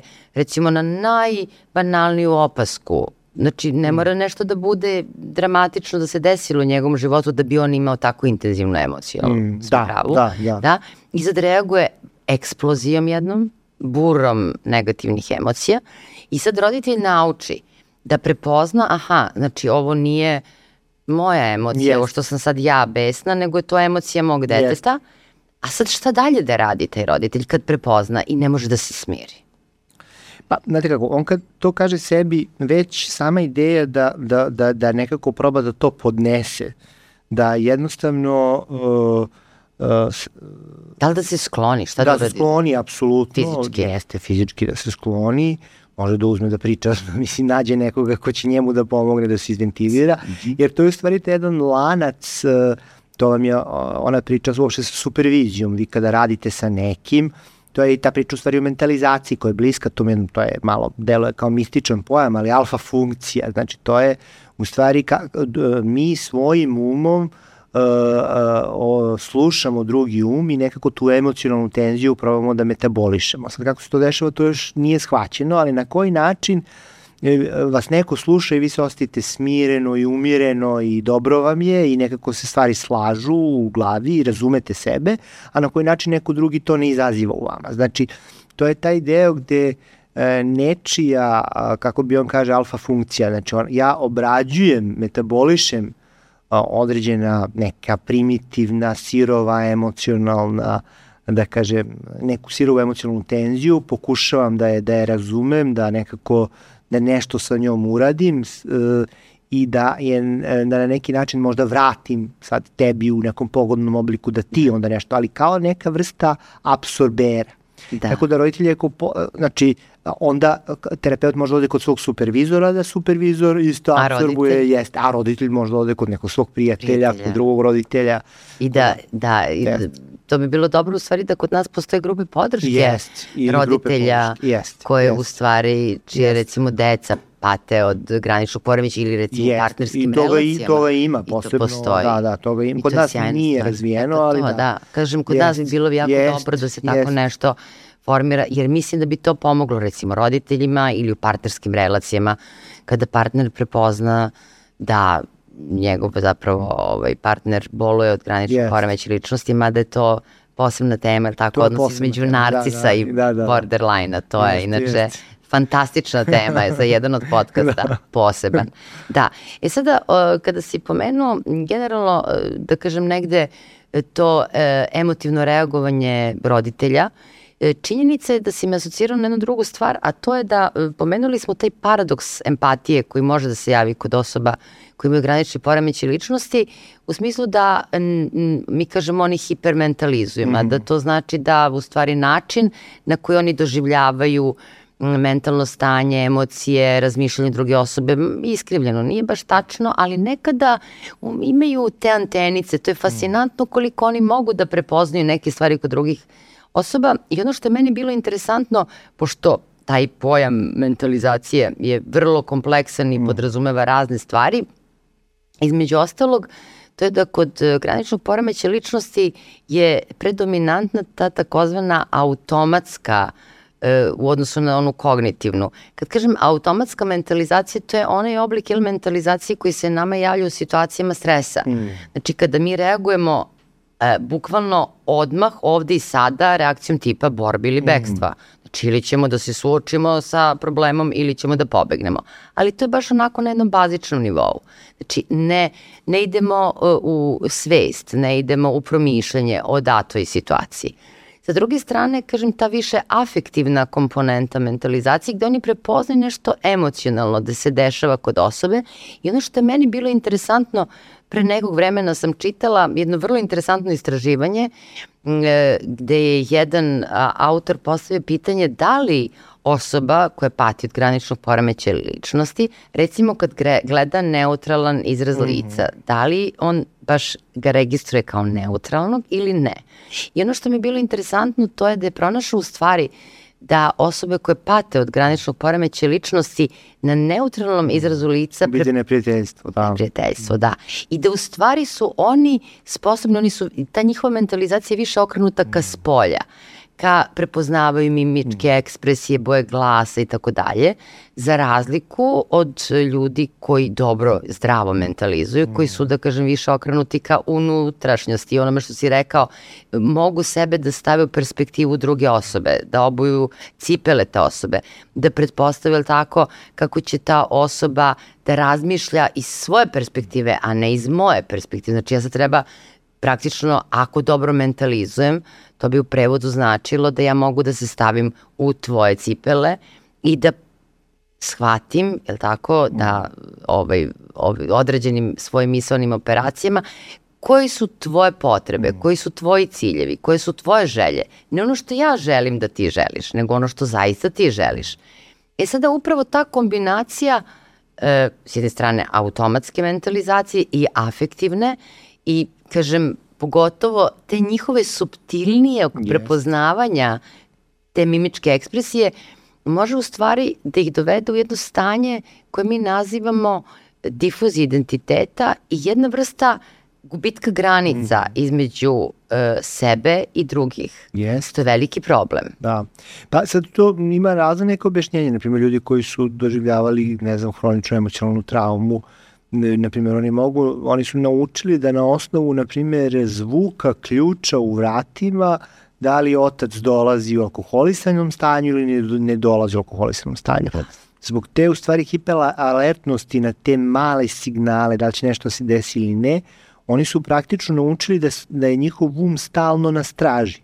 I onda nekako stalno stražare i čitaju male signale opasnosti, što često dovodi do toga da ne samo da prepoznaju uh, neprijateljske, to, to, to što si rekla, neprijateljsko lice u neutralnom licu, nego čak, na primjer, uh, uh, oni se i sećaju uh, više nekih negativnih stvari, više uvreda, znači prosto će da se fokusiraju više na negativni stimulus i u percepciji i u pamćenju, uh, nekako kao da je mozak naštelovan stalno na neko iščekivanje traume, praktično. Stalno u tom jednom traumatizovanom stanju bez povezanosti. I znaš šta, mnogo mi je drago što si ovo rekao, zato što nekako i mi kroz psihijatriju i učimo i u literaturi pronalazimo nečuvenu rečenicu kako kod poremeće ličnosti, kako su njihovi simptomi egosintoni, što u prevodu znači da oni doživljavaju da nemaju problema, da su problemi od drugima, da se pakao je okolina njihova i uvek nekako e, čitajući tu neku stariju literaturu dolazimo do zaključka kao da u stvari poremeće ličnosti pravi probleme drugima, a on nema probleme sam sa sobom. Međutim, nije to situacija. Pa, Evo, upravo da, ovo što si jeste. ti sad rekao. Oni duboko, duboko u sebi pate. Jeste, to je patnja i to je nekako baš, ta patnja je posljedica te mogao bih da kažem stvarno te attachment traume gde nema, gde i um opasno mesto i bliskosti povezano su opasno mesto i m, to je ono što su u stvari analitičari uh, govorili hard, patient hard, hard to reach, pacijente koje, koje, do kojih je teško doći kao neka, da kažem, kao neki ljubimac koji je zlostavljan pa se sakrio negdje, onda ne možete, ne može, mora, treba puno vremena da on razvije poverenje da, da se izvuče, da izađe iz te kućice. Uh, e, ima jedan a, opis u stvari e, psychic retreat, psihičkih skloništa gde se ljudi praktično a, sakriju zato što im je tu, iako nekako ne razvijaju se, ne rastu, stagniraju, njima je strašna anksioznost da, da izmile iz tog skloništa, ne mogu da podnose tu jednu strašnu anksioznost koja je često isto karakteristika ove grupe problema. Upravo to. I sada mi imamo jedan paradoks. I zato terapije traju dugo. Dugo traju, da. ali ono što smo baš, Roberto, ja negde prokomentarisali... Jer je potrebno baš razviti poverenje. Apsolutno, da. da. Attachment, ponovo, to, jer oni, vezano, da bi mogli da misle. Tu imamo i onaj da. problem tog njihovog neverovatnog straha da će mm, da budu odbačeni i onda zbog toga imaju oni izbegavajuće ponašanje, yes. oni izlaze iz odnosa. I straha i onog što se zove samo ispunjavajuće proročanstvo, da to očekuju, pa samim tim se to i dešava, može i tako da se objasni, i ono što smo pričali da malim signalima izazivaju praktično uh, da neko stvarno odigra i onda da kažem aha evo to sam očekivao, to se i desilo i onda se stvara jedan začarani krug. Da, ulaze u stvari jest, u tu samo jest, viktimizaciju jest. jednu. I sad to je u stvari onaj problem koji negde smo pomenuli jednog, u jednom trenutku razgovora, to je ta stigma mm. koja postoji definitivno jest. kada je u pitanju ova populacija ljudi. I sad s druge strane ja sam bila frapirana kada sam pročitala da recimo u Americi budžet koji se, o, da kažem, odvaja za finansiranje istraživanja graničnog poremeća ličnosti je 3% mm. u odnosu na novac koji se odvaja za istraživanje schizofrenije. A mi s jedne strane znamo da od schizofrenije boluje 1 od 100 yes. osoba, a da neka istraživanja pokazuju da u opšte populaciji... Ima oko 10%, da. ako je. Znači, 10 puta više osoba koje pate od graničnog poremeća ličnosti A, a samo... to, taj procenat raste u bolničkoj populaciji, pa u, da. da kažem, u nekim penalnim populacijama sve više i više. Više, sve veće, do, više do četvrtine, do 25 odsto i tako dalje. A pritom, znači, to je, to, je, to je problem koji ima visok taj, kako kažemo, javno-zdravstveni značaj, znači u smislu, uh, zato što, znači, imamo i veći komorbiditet, komorbiditet tih somatskih bolesti, uh, ljudi ne vode računa o sebi, pa često imaju diabetes, često imaju uh, uh, i hipertenziju, ima rad koji pokazuje, mislim, baš ta grupa Ganderson i Mary Zanarini, da oni su glavni posetioci uh, urgentnih centara, opterećuju te službe, znači onda imamo transgeneracijski model prenošenja nasilja koje je čest tu, uh, znači nekako do, dosta ozbiljan, kompleksan da. problem i ima svoju da kažem i društvenu životne. konotaciju i povezanje na kraju krajeva dosta i sa zakonom i sa kriminalom i sa uopšte uh, Tako da... Ne ovaj... direktno, mislim sad, uh, najviše to je naravno antisocijalni yes. ličnosti, ali opet ima, ima uh, visok javno zdravstveni značaj, a zanemaren, da kažem tako. Zanemaren da. i ono što se u stvari desilo tek negde aprila meseca 2008. godine, to je da je američki kongres doneo revolu, rezoluciju, čini mi se 1005, Aha. a to je u stvari rezolucija o povećanju svesti mm. opšte javnosti o borderline. Mm. Koliko u stvari tek tada, dakle 2008. pa to je bilo koliko, predno 15 godina, znači poslednjih 15 godina nekako fokus stavljen na i proučavanje i na nekako, da kažem, ovaj, veći, veće interesovanje stručne javnosti za granični poremeće ličnosti, kažem tom rezolucijom. Međutim, ono što je bilo pesimistično u periodu kada je donešena ta rezolucija, jeste da je nekako broj mladih ljudi koji se bavi, mladih psihijatara u Americi, koji se bavi ovom patologijom daleko manji u odnosu recimo na psihijatre koji se bave depresijom ili koji se bave schizofrenijom ili nekim drugim poremećima. Tako da ti si kod nas ovde očigledno ovaj, mlada snaga ja, ja, naga. Ja mislim da, da nisam toliko mlada, a ovaj, volim da mislim o sebi tako. Da. Ali, ovaj, da, ali, ali opet mislim da s druge strane ljude to zanima, a da, možda ne, ne znam koliko postoji, da, koliko se vidi ta formalna zainteresovanost. Da, nema, da. čak me iznenadilo recimo da i programi u okviru specializacije za psihijatrije u Americi, tek sad se radi yes. na edukaciji mladih psihijatara da nekako Negde stave transfer fokusiranu terapiju da bude cele godine, kao edukacija da. u zvaničnom psihijatrijskom. To je sjajno. Da, i onda, jer kroz to mogu puno da nauče uopšte o tom dinamskom, uh, konkretna je, sažeta je, ima puno tog. Glavno u transfer fokusirano je taj na, na kraju krajeva terapijski ugovor, kako se ugovara, šta se radi u situacijama suicidalnosti, kad se on javi, gde se javi, šta se radi ako postoji komorbiditet, poremeće, ishrane, zavisnost. I onda tu baš kroz to može da se nauči ne samo taj neki dinamski pristup, nego to pregovaranje u setting. Može da se nauči u stvari šta je dobra klinička nega. Što je jako važno. Jest Jer to je nekako, e, pomenuo si sve te relativno novije, pa jesu nove u poslednjih nekih desetak, 15, 20, ajde da kažem. Ali za nas su nove. Razvilo, za nas da, su da, potpuno da. nove. Da. da baš je neko u, ovaj, u, je, u jednom od komentara napisao da li kod nas neko radi dijalektičko behavioralno Ja, mislim da terapiju. da radi. Jel radi? Radi, radi, radi. Znači, da. postoje. Postoje, da, postoje. Ja mislim da postoji udruženje, čini mi se da sam videla. Znam da postoji svakako udruženje za šema fokus terapiju, to je Tijena Mirović i ta Sjajno. ekipa. I mislim da sam, da sam u nekoj njihovoj knjizi o traumi, trauma naša priča, baš video da postoje za, di, i, za dijalektičko bihje. Što je sjajno. Jer mislim da je jako važno da nekako ljudu da smeravamo na... Da postoji pluralizam i plur, da različiti pristupi, da svakome će yes, različito yes. odgovarati, ali ipak da ljudi znaju da tako nešto postoji yes, i u našoj yes. Sredini. I to postoji, je stvar. Da, da, da, da, postoji. Da. Znaš šta, nekako ipak moram da naglasim, iako smo to Roberto ja pomenuli u prošloj epizodi, a to je da je prognoza dobra. Da. Jer verujem ja kada sam upisala psihijatriju, smatralo se kako je granični poremeć ličnosti doživotna ovaj, diagnoza. Kao da prosto sam imala problem nekome da saopštim da ima mm. granični poremećaj ličnosti kao da sam ga ovaj, osudila na doživotni zatvor. Da, pa mislim... A sad nije tako? I to, prvo, znači, uopšte istraživanje toliko su pokazala da se, da to, da to diagnoza koja može se promeni, koja praktično može da nestane, samim tim godine rade za osobu, nekako se smanjuje. To ne znači da kod nekih ljudi ne može da razvije kronicitet, i da ne, ne treba krenuti sa ovaj kako se zove ranom intervencijom, ali znači nemamo tako uh, nemamo tako ovaj uh, da kažem pesimistička gledanja, to to to je mnogo važno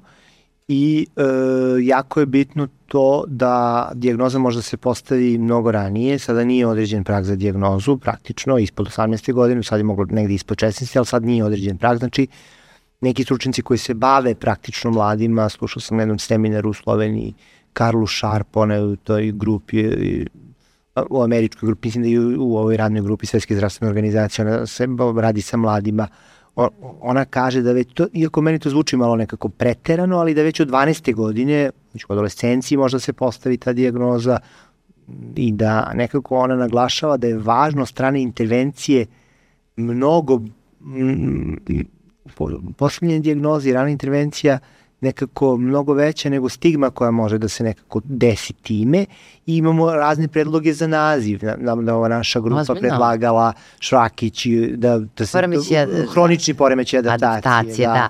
Ma da, da ti kažem da. nešto, Sad, šta je, to je sada, sve, da. sada šta je zapravo da. zdrava adaptacija na Jeste, da. svet u kome da. živimo u ovom milenijumu, da. ja više da. ne znam da. da li bih uopšte reč da. adaptaciju potrebila da. u tom kontekstu.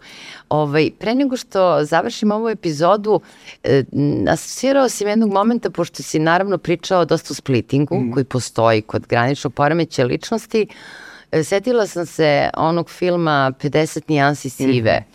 I sada, e, koliko u stvari i kontekst i, e, da kažem, e, socioekonomski status jedne mhm. osobe jako važan E, jer u pitanju je tako, pretpostavljam da većina slušalaca je ili čitala knjigu ili gledala film, u svakom slučaju pitanju je jedan mlad čovek koji živi vrlo luksuznim životom i koji se u stvari ne odriče tog svog života, iako taj, da kažem, naziv 50 nijansi sive, u stvari reč je o osobi koja upravo živi u jednom onako specifičnom kontekstu e, gde bi mi psihijatri mogli da kažemo da njegova ličnost e, jeste patološka, da on ima probleme ličnosti, pa čak bih mogla da, eto, da se usudim da kažem da je graničan, jer on ne može da uspostavi blisku relaciju sa partnerkama, može samo u stvari da uh, uspostavlja uh,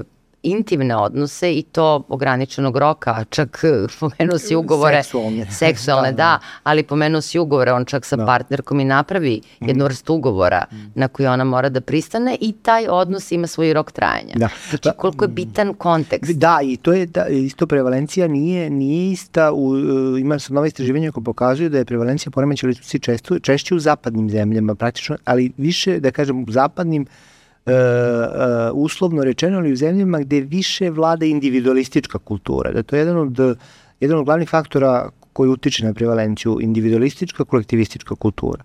Jer u kolektivističkim kulturama ima mnogo više tog uh, naglaska na, uh, uh, da kažem, toj funkcionisanju grupi, na brizi o drugome, na nekoj vrsti kontrole, sobstvene agresivnosti i projekcije i to su, mislim da je na skorija epidemiološka studija nekako to jasno pokazala da, da, da kolektivističke kulture imaju manju incidenciju, pa, prevalenciju. Pa evo, ja da. za duše ne znam kakva je situacija u Japanu kad je pitanju granični poremeći to je ne, nešto i mi ali znamo... njihov kohezivni karakter je poznata stvar. Jeste, da. i to mi znamo da, da je to nešto što se stalno provlači da je nekako uh, u vreme Freuda smo imali histeriju, a da savremena kultura nekako jeste granična praktično i narcistična i mi moramo da radimo na tom uopšte povezivanju i empatiji, tako da ovaj, da. i, i, mislim da je jako bitno da probamo da nekako na institucionalnom nivou malo vratimo taj psihoterapijski deo i sad to naravno nećemo da idemo u neke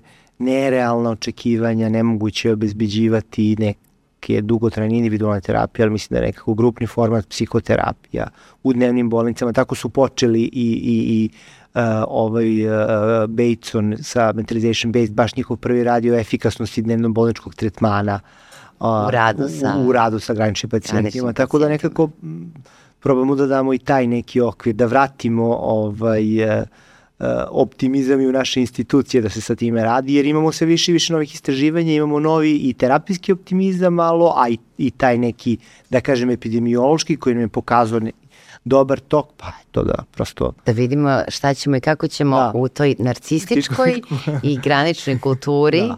ko je tu zapravo adaptiran ako nije. Tako da evo na kraju uh, ove epizode da najavim sledeću epizodu koju ćemo raditi Roberto i ja, a koja se upravo odnosi na narcistički poremeće ličnosti.